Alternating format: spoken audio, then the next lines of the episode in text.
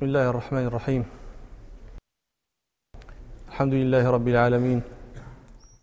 والصلاة والسلام على أشرف الأنبياء والمرسلين سيدنا محمد وعلى آله وأصحابه أجمعين. نعم. بسم الله الرحمن الرحيم. قال الإمام مالك رحمه الله تعالى باب وقت الجمعة. قال الإمام مالك رحمه الله باب وقت الجمعة. الجمعة هذه اللفظة لها في ميمها تثليث للحركة فهي مثلثة الميم. يقال جمعة ويقال جمعة ويقال جمعة. اختلف في أصل ذلك فقال بعض العلماء الأصل الجمعة بضم الميم. وخففت تسكي وسكنت تخفيفا. فقيل الجمعة لتخفيف الحركة. وهذا هذا شيء تفعله العرب في كلامها فإنها تخفف الحركة بالسكون. فتقول مثلا في رسل رسل وتقول في قدس قدس ونحو ذلك. وقال طائفة من العلماء بين عكس الأصل جمعة وإنما ضمت الميم إتباعا لحركة الجيم. وهذا أيضا آه، مذهب مطروق في لغة العرب. والجمعة هذه إذا قلنا الأصل جمعة فعلة هذه جمعة على وزن فعلة وفعلة تأتي دلالة على اسم. على اسم المفعول يقول آه، الحسن نزين رحمه الله في توشيحه لامية الأفعال لابن مالك وفعلة لاسم مفعول وإن فتحت من وزنه العين يرتد اسم من فعل وفعلة لاسم مفعول. يعني هذا هذه الصيغة هذا الوزن فعلة يدل على اسم المفعول. فإن فتحت من وزنه العين فقيل فعل يرتد اسم من فعل. يرتد اسم فاعل أو دليل على اسم الفاعل. فجمعة هذه آه، على على القول بأن أصل, أصل السكون سميت جمعة لأنها يجتمع الناس فيها مجموع فيها الناس. وضمت الميم اتباعا للجيم وهذا أيضا تفعله العرب. فالعرب مثلا تقول فيه خطوات الذي هو جمع خطوة تقول فيه خطوات وتقول في قفل قفل وكل ذلك للإتباع. وقال بعضهم إنما ضبطها بالفتح جماعة. وقلت لكم فعل هذا يدل على اسم الفاعل. قال ربنا سبحانه ويل لكل همازات لمزة. همزة هماز يدل على اسم الفاعل. ولمزة لماز يعني ويل لكل كثير الهمز للناس كثير اللمز لهم وقال آه، آه، تقول العرب رجل ضحك. أي كثير الضحك فإذا قالت ضحكة يضحك منه. ولذلك قال ابن مرحل في نظمه الفصيح ورجل لعنة لعان ولعنة يلعنه الإنسان. وقلت لكم على القول بأنها جمعة فيكون هذا يعني ملحوظا فيه اسم المفعول لأنه لأنها يجتمع الناس فيها. آه عفوا جمعة هذه تكون ملحوظا فيها اسم الفاعل فيكون هي تكون سببا لاجتماع الناس لأنهم يجتمعون في يوم الجمعة. والعرب كانت تسمي الجمعة كانت تسمي هذا اليوم العروبة. في الجاهلية الجمعة كان يطلق عليه العروبة. واختلفوا في آه، يعني تعيين السبب الذي من أجله سميت الجمعة جمعة أو اختلفوا في أول من سمى العروبة جمعة. فقال بعضهم إنما سميت العروبة الجمعة في الإسلام لأنها يجتمع الناس فيها لأداء الصلاة. وقال بعضهم إنما سميت جمعة لأن في ذلك اليوم اجتمع خلق آدم. والذي يزعمه أهل السير أن الذي سمى يوم الجمعة سماه العروبة هو كعب بن لؤي الجد جد النبي صلى الله عليه وسلم جده السابع. فإن رسول الله صلى الله عليه وسلم هو محمد بن عبد الله ابن عبد المطلب ابن هاشم بن عبد مناف بن قصي ابن كلاب بن مرة بن كعب بن لؤي بن غالب بن فهر بن مالك بن النضر ابن كنانة بن خزيمة بن مدركة بن الياس بن مضر بن نزار بن معد بن عدنان. فيقول أهل السير إن كعب بن لؤي هو الذي سمى العروبة سماها جمعة. لماذا قالوا؟ لأنه كان يجمع قريشا في ذلك اليوم فيعظهم ويذكرهم ويخبرهم بأن نبيا سيبعث وأنه من ذريته. وإلى هذا أشار البدوي المجلسي المالكي في منظومته في ذكر نسب النبي صلى الله عليه وسلم وأنساب العرب قال بموت كعب أرخوا لشهرته رد إلى الدين أهالي مكته يدعو إلى النبي كل جمعة بخطب كل الرشاد مودعة. بموت كعب أرخوا لشهرته يعني أن كعب بن لؤي هذا كان عظيم القدر عند العرب فلما مات أرخت العرب بموت كعب. فيقولون مثلا وقع الشيء الفلاني بعد سنتين من موت كعب. لؤي ووقع الطوفان الفلاني أو الإعصار الفلاني أو الجفاف الفلاني في كذا كذا بعد موت كعب. ومكثوا على ذلك إلى أن كان عام الفيل فتركوا التأريخ بموت كعب. بن لؤي وأرخوا بعام الفيل فتقول من يقول نحن مثلا ولد النبي صلى الله عليه وسلم عام الفيل ولد عثمان بن عفان بعد ستين سنوات عام الفيل ونحو ذلك. فقال هذا رد إلى الدين أهالي مكته يدعو إلى النبي كل جمعة. فكان الذي يزعمها أهل السير أن كعب بن لؤي هذا كان يجمع قريشا ويعظهم ويذكرهم فمن جملة ما حفظته لنا كتب الأدب مما يزعم أنه قاله كأنه قال أيها الناس اسمعوا وعوا وافهموا وتعلموا ليل ساج ونهار ضاح والسماء بناء والأرض مهاد والنجوم أعلام لم تخلق عبثا فتضربوا عن أمرها صفحا الأولون كالآخرين والدار أمامكم واليقين غير ظنكم صلوا أرحامكم واحفظوا أسهاركم وتعاهدوا أموالكم فإنها قوام مروءاتكم ولا تصونوها عما يجب عليكم وعظموا هذا الحرم وتمسكوا به فإنه سيكون له نبأ عظيم وسيبعث به نبي كريم وكان يحدثهم بأن ذلك النبي من ذريته ويأمرهم باتباعه ويقول والله لو كنت في هذا رجل ويد وذا, وذا عين وبصر وذا سمع وبصر.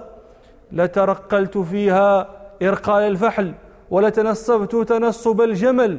فرحا بدعوته جذلا بصرخته. ثم يقول يا ليتني شاهد فحواء دعوته إذا, تق إذا قريش تبغي الحق خذلانا. نعم. باب وقت الجمعة. وقت الجمعة هو وقت الظهر. لأن الجمعة بدل من الظهر وتبدأ يبدأ وقت الجمعة بالزوال.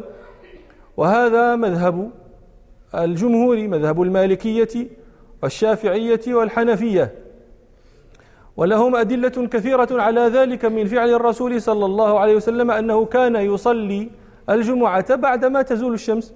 من ذلك ما رواه آه، البخاري في صحيحه.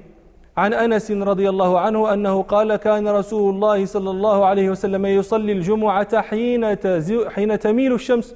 وقد قلت لكم في المجلس الماضي إن الميل ميل الشمس هو زوالها. ومن ذلك أيضا الحديث الذي في الصحيح عن آه، سلمه بن الأكوع رضي الله عنه أنه قال صلى بنا رسول الله صلى الله عليه وسلم الجمعة بعدما زالت الشمس. وذهب الحنابلة إلى أنه يجوز أن تصلى الجمعة قبل الزوال. واستدلوا على ذلك بما رواه ابن أبي شيبة في مصنفه عن عبد الله بن سيدان السلمي قال صليت الجمعة قال شهدت الجمعة مع أبي بكر فكانت خطبته, خطبته وصلاته قبل أن ينتصف النهار. ثم شهدنا مع عمر بن الخطاب فكانت خطبته وصلاته إلى أن أقول قد انتصف النهار. وشهدنا مع عثمان بن عفان فكانت خطبته وصلاته يعني وقد انتصف النهار. وهذا الأثر الذي استدلوا به ضعيف عند المحدثين. ضعفه طائفة منهم ضعفه ابن حجر وضعفه النووي والزيلعي. وقال البخاري رحمه الله في عبد الله بن سيدان هذا لا يتابع على حديثه. لكن أحسن ما استدل به الحنابلة على مذهبهم هذا. ما رواه مسلم عن جابر رضي الله عنه قال كنا نصلي مع رسول الله صلى الله عليه وسلم الجمعة ثم نذهب إلى جمالنا فنريحها حين تزول الشمس. فكأنهم فهموا من هذا الحديث الصحيح الذي في مسلم أنهم يصلون الجمعة قبل زوالها ثم يرجعون إلى جمالهم فيفكونها وذلك وقت زوال الشمس وإنما الجمهور يحمل هذا الحديث على المبالغة في التعجيل في تعجيل الجمعة. وسيأتي بعض بيان ذلك إن شاء الله فيما فيما يأتي. نعم. قال عبيد الله بن يحيى رحمه الله حدثني يحيى عن مالك عن عمه أبي سهيل بن مالك عن أبيه أنه قال كنت أرى طنفسة لعقيل بن أبي طالب يوم الجمعة تطرح إلى جدار المسجد الغربي. فإذا غشيت الطنفسة كلها ظل الجدار خرج عمر بن الخطاب رضي الله عنه وصلى الجمعة قال مالك ثم نرجع بعد صلاة الجمعة فنقيل قائلة الضحى قال عبيد الله بن يحيى رحمه الله المتوفى سنة 98 و200 آه. آه. قال حدثني يحيى المتوفى سنة 34 و200 عن مالك متوفى سنة 90 و70 و100 آه. عن عن عمه أبي سهيل. تقدم لنا ترجمته. ما اسم أبي سهيل؟ ما اسمه؟ نافع. أبو سهيل هذا؟ كنيته. ما الفرق بين الاسم والكنية؟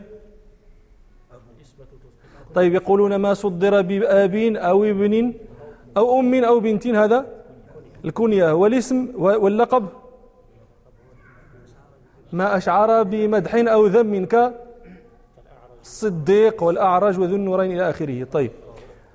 نافع اسمه نافع. أبو سهيل اسمه نافع بن مالك بن أبي عامر الأصبحي وتقدمت لنا ترجمته. ومات سنة بعد الثلاثين ومئة. بعد الثلاثين ومئة. نعم. عن أبيه. عن أبيه وهو مالك بن أبي عامر الأصبحي جد إمامنا الإمام مالك رحمه الله. وقد تقدمت ترجمته أيضا. وذكرنا لكم أنه مات سنة 73 و 74 نعم. 74 نعم. أنه قال كنت أرى طنفسة لعقيل بن أبي طالب يوم الجمعة. كنت أرى طنفسة. الطنفسة هي آه، حصير من دوم آه، يوضع إما للجلوس عليه أو بعضهم كان يضعه على ظهر البعير إذا أراد أن يرتحله. وبعضهم يقول كل خميلة لها أهداب. فتسميها العرب طنفسة. ولا تكون في العادة الطنفسة لا تكون كبيرة إنما يعني قدرها ذراعان. وهذه الطنفسة يقال فيها فيها لغات. يقال الطنفسة ويقال الطنفسة ويقال الطنفسة ويقال الطنفسة ويقال الطنفسة. فهذه خمس لغات. وكانت توضع لعقيل بن أبي طالب. توضع له يوم الجمعة لا لمعرفة الشمس لا لمعرفة الوقت وإنما ليجلس عليها لأن الناس كانوا يتحلقون حوله فإن عقيلا هذا كان عالما بأنساب قريش وعالما بأيام العرب فكانوا يجلسون يعني قبل وقت الجمعة يجلسون إلى عقيل فيحدثهم عن أيام العرب وعن أنسابهم. وعقيل هو أخو علي بن أبي طالب هو عقيل بن أبي طالب بن عبد المطلب بن هاشم ابن عم رسول الله صلى الله عليه وسلم وهو أكبر بني أبي طالب إلا طالبا. أبو طالب أكبر بنيه طالب وبه كان يكنى وهذا مات كافرا عياذا بالله. وبعده عقيل هو هذا. وكان أكبر من جعفر بن أبي طالب بعشر سنين وكان جعفر أكبر من علي بعشر سنين. فعلي بن أبي طالب أصغرهم أولهم إسلاما وعقيل بن أبي طالب أكبرهم آخرهم إسلاما. شهد بدرا مشركا وخرج إليها مكرها وأسر ففداه عمه العباس بن عبد المطلب و يعني تأخر إسلامه. أسلم قبيل الفتح وقيل أسلم بعد الحديبية وهاجر إلى النبي صلى الله عليه وسلم سنة ثمان ثم حسن إسلامه بعد ذلك وتأخر موته. إلى زمن معاوية بن أبي سفيان رضي الله عنه. ويقول أهل السير إن قريشا كانت تبغض عقيل بن أبي طالب. قلت لكم لأنه كان عالما بأيامها وبأنسابها فكان يكثر من ذكر مثالبهم فكانوا يبغضونه لذلك. هذه الطنفسة كانوا يطرحونها لعلي بن أبي لعقيل بن أبي طالب إلى جدار المسجد إلى جداره الغربي. هذا الجدار الغربي. وهذا الجدار الشرقي المسجد. الجدار الشرقي لأن الشمس تطلع من جهته والجدار الغربي لأنها تغرب من جهته. فكانوا يضعون له الطنفسة عند الجدار الغربي. فإذا غشي الطنفسة ظل الجدار خرج عمر بن الخطاب رضي الله عنه فصلى الجمعة. والإمام مالك رحمه الله ذكر هذا الأثر ليبين أن وقت صلاة الجمعة بعد الزوال. ومن أين يؤخذ ذلك؟ من قولهم في الأثر فإذا غشي الطنفسة كلها ظل الجدار. الآن هذا الجدار الغربي وهذا. الطنفسة هنا في أصل الجدار. إذا طلعت الشمس الشمس تطلع من هنا لأنها تطلع من جهة الجدار الشرقي. إذا طلعت كانت. كان يعني سطعت على على الطنفسة. فلا تكون الطنفسة لا يغشاها الظل إلا بعد أن تزول الشمس. لأنه حينئذ يغشاها ظل هذا الجدار الغربي ولا يمكن أن يغشاها ظل قبل زوال الشمس. هذا لا يمكن. ولذلك قلت لكم أورده الإمام مالك ليبين أن وقت خروج عمر بن الخطاب رضي الله عنه هو بعد الزوال. فإذا غشي التنفيسة كلها ظل الجدار خرج عمر فصلى. المقصود فخاطب الجمعة فصلى. ولم يعني طوى ذكر الخطبة للعلم بها وهذا مما يمكنكم أن تمثلوا به لقول ابن مالك رحمه الله وحذف ما يعلم جائز. كما تقول زيد بعد من عندكما. يأتيك السائل فيقول لك من عندك؟ تقول زيد. حذفت عندي. وحذف ما يعلم جائز. وهذا مما يعلم أنه خاطب فصلى فقال خرج فصلى. نعم. قال مالك ثم نرجع بعد صلاة الجمعة فنقيل قائلة الضحى. من مالك هذا؟ مالك بن أبي عامر. راوي الحديث قال ثم نرجع بعد صلاة الجمعة فنقيل قائلة الضحاء. الضحاء هذا هو الفترة الممتدة يعني بين آه، ارتفاع النهار إلى أن آه، يقرب انتصافه. كل ذلك يطلق عليه ضحاء وهي وقت اشتداد حر. وفرقوا بين الضحى والضحاء. الضحى بالضم والقصر. هذا الوقت من طلوع الشمس إلى أن ترتفع من طلوع النهار إلى أن ترتفع الشمس. هذا هو الوقت وقت الضحى. يعقبه وقت الضحى وهو من ذلك الوقت إلى أن يقرب انتصاف النهار وتشتد ويشتد حر الشمس. وهذا هو المسمى الضحاء وهذا قال نقيل قائلة الضحاء يعني أنهم كانت لهم قائلة كانوا ينامون في ذلك الوقت. نحن نقيل بعد أن نصلي الظهر وإنما كانوا يقيلون هم قبل ذلك لأن الضحاء هذا لا يبلغ وقت الظهر. وهذا ال ال الأثر هذا الأثر مما استدل به الحنابلة على مذهبهم الذي ذكرت لكم أنه يجوز أن تصلى الجمعة قبل الزوال. قالوا لأن مالك بن أبي عامر يقول كنا نصلي الجمعة مع عمر بن الخطاب. ونرجع فنقيل قائلة الضحى. يعني يفرغون من صلاة الجمعة وما زال منتصف النهار لم يبلغ لم يصل فإنهم كانوا يقيلون. وهذا الذي حمله حمل الحنابلة عليه هذا الحديث ممتنع. يمنعه المالكية والجمهور. وسأبين لكم لماذا. لكن اعلموا أننا هذا الحديث نجعل فيه محذوفا مقدرا. ثم قول مالك بن أبي عامر ثم نرجع فنقيل قائلة الضحى. عندنا أن عندنا هنا محذوف مقدر. ما هو؟ ثم نرجع فنقيل قائلة الضحاء التي فاتتنا. هذا المقدر. لماذا؟ هم قلت لكم كانت لهم الضحاء هذه كانت لهم قائلة يقيلون فيه. لكنهم كانوا يشتغلون في يوم الجمعة بالاستعداد لصلاة الجمعة من اغتسال وتبكير. فلا يقيلون القائلة في الوقت الذي يقيلونه الذي يقيلونها فيه عادة. فلا يمكنهم ذلك إلا بعد العودة من الجمعة. فيقول فنقيل قائلة الضحى أي التي فاتتنا أو يمكن أن تقدروا محذوف آخر. فنقيل القائلة التي كنا نقيلها في الضحى فإذا قال قائل وهل يكون ذلك؟ يعني هل يكون في كلام العرب أن يحذف الشيء ويكون مقدرا عند السامع؟ أقول نعم هذا موجود. وقد ذكرت لكم الآن قول ابن مالك حذف ما يعلم جائز وهذا يذكره النحاة ويذكره البلاغيون. يقول مثلا الأخضري آه، تعرفون أن أركان الجملة عند البلاغيين مسند ومسند إليه. فالمسند يحذف والمسند إليه يحذف وأحيانا قد يحذفان جميعا. وهذا مما يدلكم على فطنة العرب وأن أنهم لا يحتاجون التصريح وال يعني والإطناب بالكلام. فالعرب قوم أذكياء تحذف المسند ويفهم وتحذف المسند إليه ويفهم وتحذف المسند والمسند إليه ويفهم. يقول الأخضري يحذف للعلم. والاختبار مستمع وصحة الإنكار ستر وضيق فرصة إجلال وعكسه ونظم الاستعمال. يعني أغراض كثيرة. الشاهد أن هذا كائن ويسمونه مجاز النقص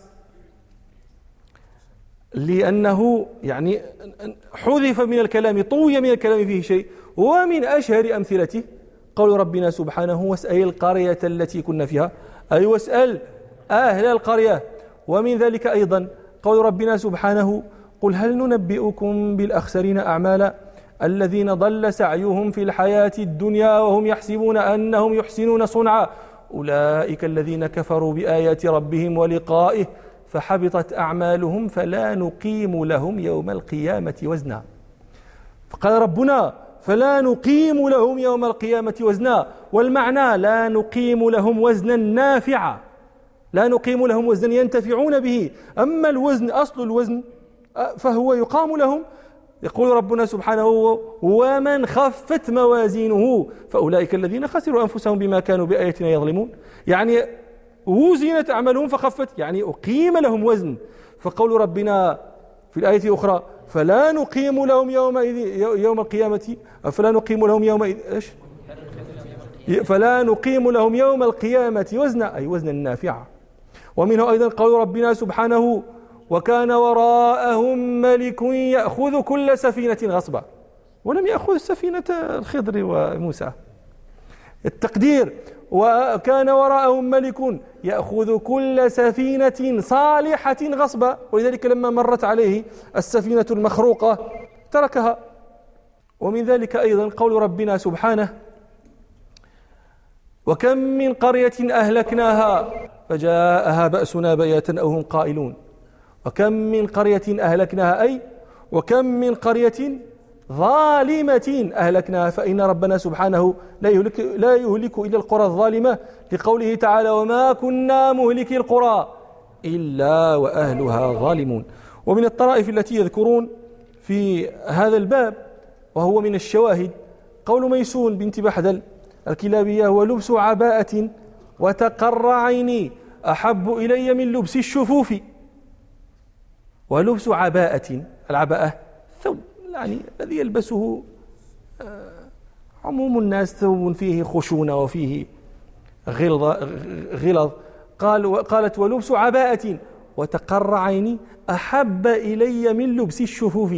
الشفوف ثياب الراقية ثياب ذوي الهيئات وذوي اليسار. كيف يكون لبس العباءة أحب إليها من لبس الشفوف؟ هنا تقدير. ولبس, ولبس عباءة وتقر عيني أحب إلي من لبس الشفوف. من غير أن تقر عيني. فلو خير أحدنا يقال له أي, أي تختار أن تلبس العباءة وتكون قرير العين أو تلبس الثياب الراقية ولكن تكون في ضنك وأسف وحزن وكمد؟ يقول ولبس عباءة وتقر عيني أحب إلي من لبس الشفوف. فلا بد إذا من هذا التقدير ومن غير أن تقر عيني. وهذا الطريف الذي قلت لكم أن ميسونة هذه آه، امرأة بدوية شاعرة فصيحة تزوجها معاوية بن أبي سفيان رضي الله عنه وأقدمها دمشق وأسكنها دار الإمارة في دمشق. لكن المرأة لم تعتد سكن المدينة. لم تألف سكن الحاضرة وبينما هي في يوم من الأيام تطل على يعني من نافذة قصرها فترى يعني العصافير وترى الأشجار وترى تشوقت إلى بيئتها وعيشتها فقالت وكان معاوية رضي الله عنه يسمع من حيث لا تدركه هي من حيث لا تشعر. قالت لبيت تخفق الأرواح فيه أحب إلي من قصر منيف. وأصوات الرياح بكل فج أحب إلي من نقر الدفوف. وبكر يتبع الأضعان صعب أحب إلي من بغل زفوف. وكلب ينبح الطراق عني أحب إلي من قط, من قط ألوفي وأكل كسيرة من, من كسر بيتي أحب إلي من أكل الرغيف. خشونة عيشتي في البدو أشهى إلى قلبي من العيش الظريف.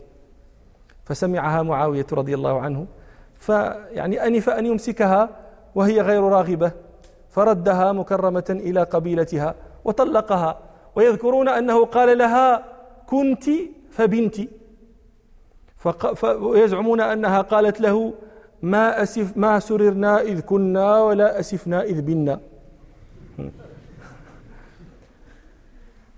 هذا إنما أطلنا في ذكر هذا لنبين لكم أن هذا مذهب معروف في لغة العرب أنهم يحذفون ما يدركه السامع بفطنته.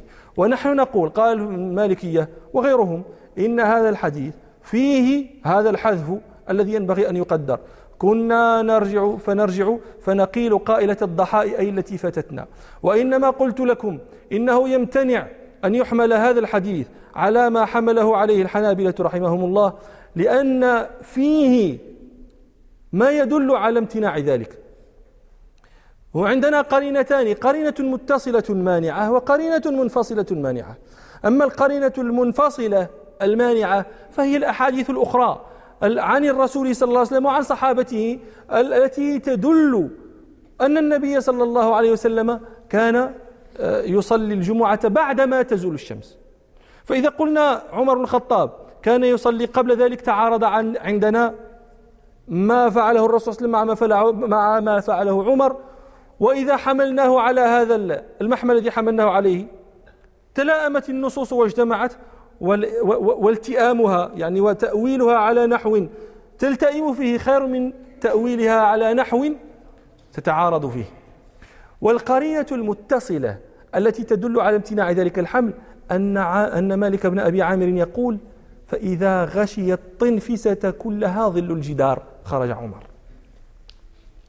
وبعد أن يغشى ويصلون يغشى الطنفسة الظل ويصلون يرجعون فيقين قائلة الضحى. لا يمكن أن يكونوا قالوا قائلة الضحى في وقتها. لا يمكن. لماذا؟ لأنه قلت لكم متى يغشى الطنفسة ظل الجدار؟ متى؟ هذا الجدار الغربي هاو هذا الجدار الغربي. هالطنفسة هالطنفسة. الشمس تطلع من جهة الجيار الشرقي. إذا طلعت بعدما تطلع الشمس الطنفسة تحت الشمس. لا تكون الطنفسة تحت الش...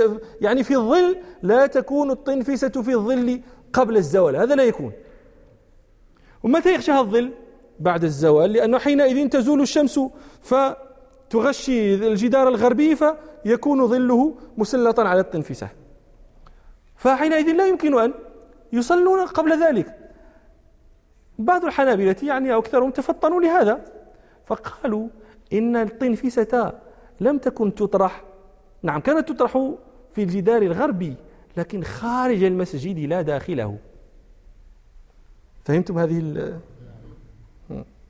كانت تطرح خارج المسجد. حينئذ إذا كانت هل هل الجدار الغربي إحنا المسجد داخل المسجد وهذا خارج المسجد. إذا طرحت الطنفسة خارج المسجد عند الجدار الغربي حينئذ يكون الظل يغشاها قبل الزوال وإنما يزول عنها الظل بعد الزوال. وهذا أيضا ممتنع. ممتنع لسببين. أولا العادة جرت بأن العالم يجلس داخل المسجد ولا يجلس خارجه. إنما يجلس الناس إلى العالم داخل المسجد وهناك يعني يأتون إليه ولا لم تجري العادة ولا سيما الجمعة الذي يطلب فيه التبكير إلى داخل المسجد ولا لا التبكير إلى أطرافه.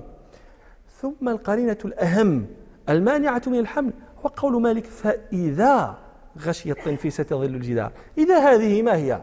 لذلك أقول دائما للطلبة إنه لا يفهم الشرع إلا من حيث تفهم العربية.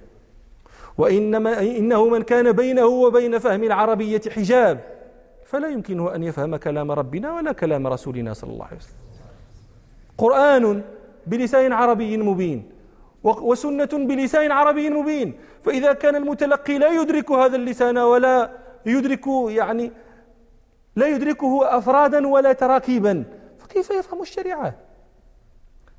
قصاراه أن يبقى مقلدا فيها عالة على فهم الناس فيها. إذا هذه ظرف لما يستقبل من الزمان. إذا ترى ظرفا لما يستقبل والشرط عنها غالبا ما يعزل. إذا ظرف لما يستقبل لو كانت التنفسة تطرح خارج المسجد هذه تكون في ظل منذ طلوع الشمس. وحينئذ لا يقال إذا غشي التنفسة ظل الجدار لأنها تكون في في ظل منذ طلوع الشمس. وإذا هذه يستعمل لشيء لا يكون الآن وسيكون معنى هذا أنه تكون في شمس ويعقب ذلك ظل وهذا لا يكون إلا بعد الزوال. لهذا قلنا إن إن وقت الجمعة على الصحيح هو بعد الزوال. بعض الحنابلة استدلوا بحديث آخر رواه مالك رحمه الله في الموطأ وغيره آه، عن أنس رضي الله عنه أن رسول الله صلى الله عليه وسلم قال إن هذا اليوم يقصد رسول الله صلى الله عليه وسلم الجمعة إن هذا اليوم جعله الله عيدا. إن هذا إن هذا اليوم جعله الله للمسلمين عيدا. فقال الحنابلة إن صلاة العيد يجوز بل تصلى قبل الزوال فكذلك الجمعة لأن الرسول صلى الله عليه وسلم سمى الجمعة عيدا. والجواب عن هذا أن يعني تسمية الرسول صلى الله عليه وسلم للجمعة عيدا لا يقتضي أنها تشبه العيد من كل الأوجه بدليل أن العيد لا يجوز صومه ولو صيم يوم قبله ولو صيم يوم بعده خلافا للجمعة وهذا بإقراء الحنابلة أيضا. نعم. قال عبيد الله بن يحيى رحمه الله وحدثني عن مالك عن عمرو بن يحيى المازني عن ابن أبي سليط أن عثمان بن عفان رضي الله عنه صلى الجمعة بالمدينة وصلى العصر بملل قال مالك وذلك للتهجير وسرعة السير. قال عبيد الله رحمه الله حدثني يحيى عن مالك عن عمرو بن يحيى المازني الأنصاري أحد ثقات المدنيين من المحدثين. نعم. عن ابن أبي سليط. عن ابن أبي سليط هو عبد الله بن أبي سليط واختلف في اسم أبي سليط فقيل أسير وقيل أسيرة. وقيل أسيد وأبو سليط هذا كان من الصحابة وابنه هو من ثقات التابعين لكن بعضهم ذكره في الصحابة أيضا. يعني عبد الله بن أبي سليط هذا بعضهم عده في الصحابة لكن قال ابن عبد البر آه، عده في الصحابة يعني فيه نظر. وكذلك قال ابن حجر هو من التابعين. نعم. أن عثمان بن عفان رضي الله عنه عثمان بن عفان بن أبي العاص بن أمية بن عبد شمس بن عبد مناف القرشي الأموي الخليفة الراشد أحد العشرة المبشرين وأحد الأربعة الراشدين صاحب رسول الله صلى الله عليه وسلم وزوجه على ابنتيه. يلتقي نسبه بنسب رسول الله صلى الله عليه وسلم في عبد مناف وولد بعد عام الفيل بست سنين. وكان من الأولين الذين أقبلوا على هذا الدين وزوجه رسول الله صلى الله عليه وسلم بنته رقية وماتت تحته ثم زوجه بنته أم كلثوم فماتت تحته أيضا. وكان لقب وكانت كنيته أبا عمرو فلما ولدت له رقية ابنه عبد الله آه، تكنى به وقيل له أبو عبد الله. ومناقبه رضي الله عنه جمة جمة لا يحيط بها لا يحيط بها العد من ذلك ما رواه الشيخان عن أبي موسى الأشعري رضي الله عنه قال دخل النبي صلى الله عليه وسلم حائطا وأمرني بحفظه فجاء رجل يستأذن فقال النبي صلى الله عليه وسلم أذن له وبشره بالجنة. قال فإذا أبو بكر ثم جاء رجل يستأذن فقال النبي صلى الله عليه وسلم أذن له وبشره بالجنة فإذا عمر بن الخطاب. ثم جاء آخر يستأذن فسكت هنيهة ثم قال إذن له وبشره بالجنة على بلوى ستصيبه فإذا عثمان بن عفان. ومن ذلك أيضا ما رواه البخاري عن أنس بن مالك رضي الله عنه قال صعد رسول الله صلى الله عليه وسلم احدا وأبو بكر وعمر وعثمان فرجف أحد. فقال النبي صلى الله عليه وسلم اثبت أحد فإنما عليك نبي وصديق وشهيدان. ومن ذلك ما رواه مسلم عن عائشة رضي الله عنها أن رسول الله صلى الله عليه وسلم قال ألا أستحيي من رجل تستحيي منه الملائكة؟ وقد حدثه نبي الله صلى الله عليه وسلم بتلك الفتنة التي ستصيبه. وأمره بالاصطبار فيها وأن وأخبره بأنه سيقتل شهيدا فيها. من ذلك ما رواه أحمد في مسنده عن عبد الله بن حوالة رضي الله عنه أن رسول الله صلى الله عليه وسلم قال من نجا من ثلاث فقد نجا. من نجا من ثلاث فقد نجا. من نجا من ثلاث فقد نجا. موتي والدجال وقتل خليفة مصطبر بالحق معطيه. ومن ذلك ما رواه أحمد أيضا عن ابن عمر عنهما أن رسول الله صلى الله عليه وسلم ذكر الفتنة.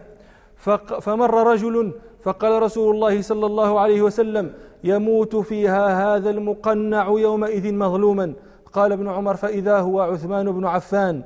ومن ذلك أيضا ما رواه الترمذي وابن ماجه أن رسول الله صلى الله عليه وسلم قال لعثمان عن عائشة أن رسول الله صلى الله عليه وسلم قال لعثمان يا عثمان لعل الله إنه لعل الله يقمصك قميصا فإذا أرادوك على خلعه فلا تخلعه لهم.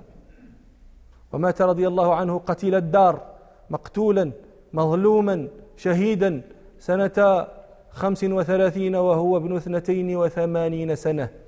وهذا أيضا يعني تلك الفتنة الأحداث التي التي وقعت قبيل قتله رضي الله عنه.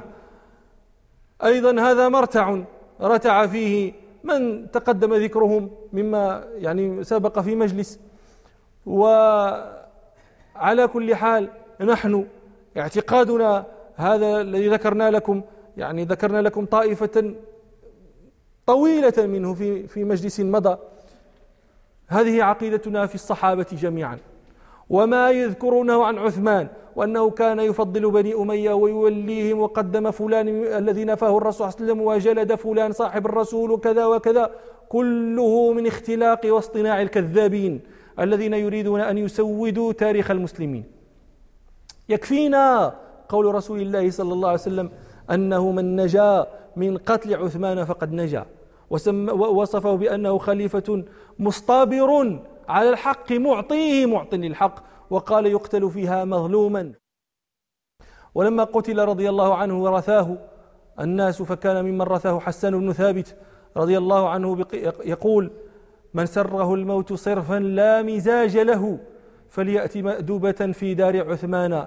ضحوا بأشماط عنوان السجود به يقطع الليل تسبيحا وقرآنا.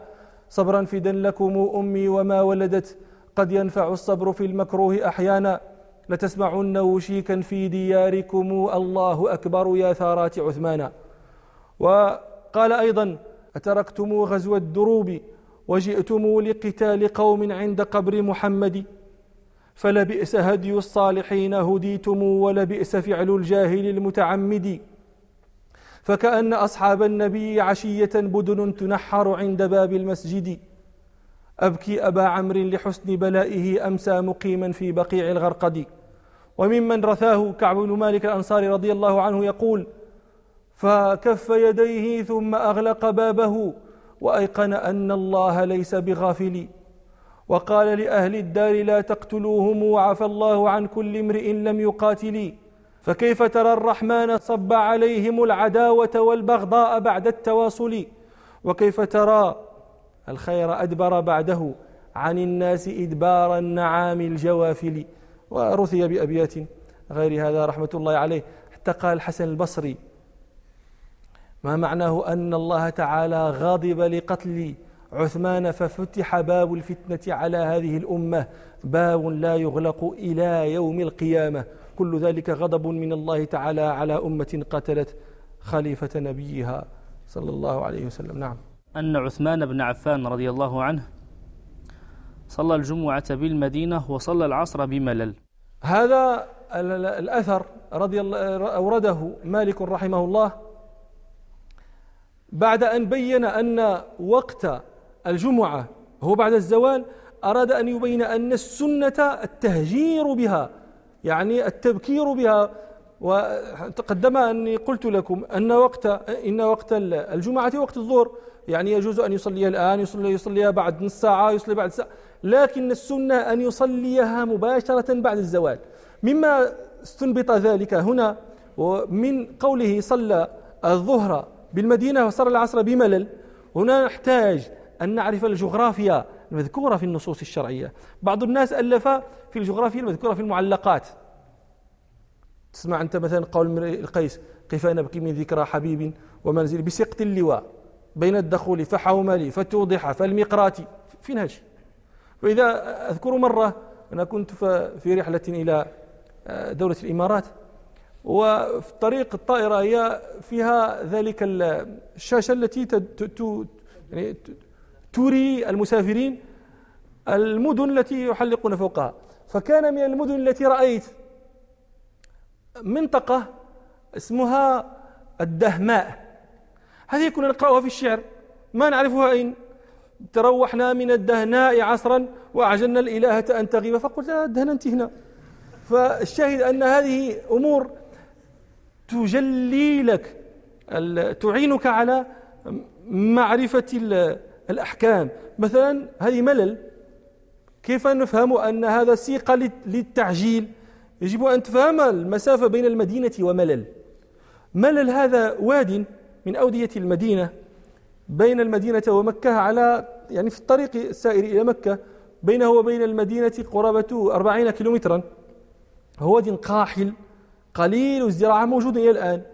من الطرائف المذكورة فيه أن رجلا عراقيا نزل بملل وهو لا يعرف أنه ملل. فقال ما اسم هذا الموضع فقيل له ملل. فقال قبح الله الذي يقول آه، على ملل يا لهف نفسي على ملل. أي شيء يتشوق من هذه وهي حرة. سوداء. حجرة. حرة. الحرة الحرة الواقع يجب أن يقال. الحرة الحرارة والحرة الحجارة والحرة المختارة من محصنات العرب. يعني حرة سوداء لا زرع فيها ولا نبات. وهذا يقول يا لهف نفسي على ملل. على أي شيء يتلهف؟ فسمعته صبية قالت له إنه كان له شجو فيها ليس لك. كان عنده شي حاجة شي سر فهذيك ملل ما عندكش أنت. ولذلك كان يتلهف على ملل.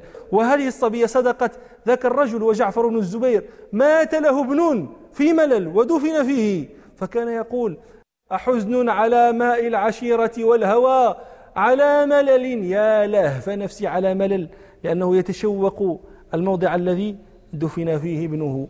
هذه عادة الناس تعرفون الأبيات المشهورة المنسوبة إلى آه، آه، قيس بن الملوح مجنون ليلى أمر على الديار ديار ليلى أقبل ذا الجدار وذا الجدار. وما حب الديار شغفنا قلبي ولكن حب من سكن الديار. نعم. فملل بعيد عن المدينة بأربعين كيلومترا وعثمان بن عفان رضي الله عنه أدرك العصر بملل. فإذا أدرك العصر بملل كان يعني من كان لازما أن يصلي الجمعة في أول وقتها. إذ لو أخر ذلك لم يدرك العصر بملل نعم.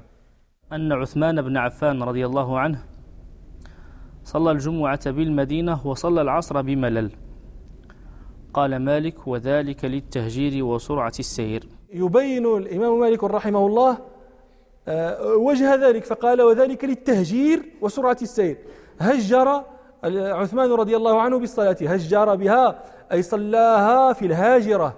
والهاجرة هي انتصاف النهار حين يشتد الحر. هذا أول وقت الجمعة.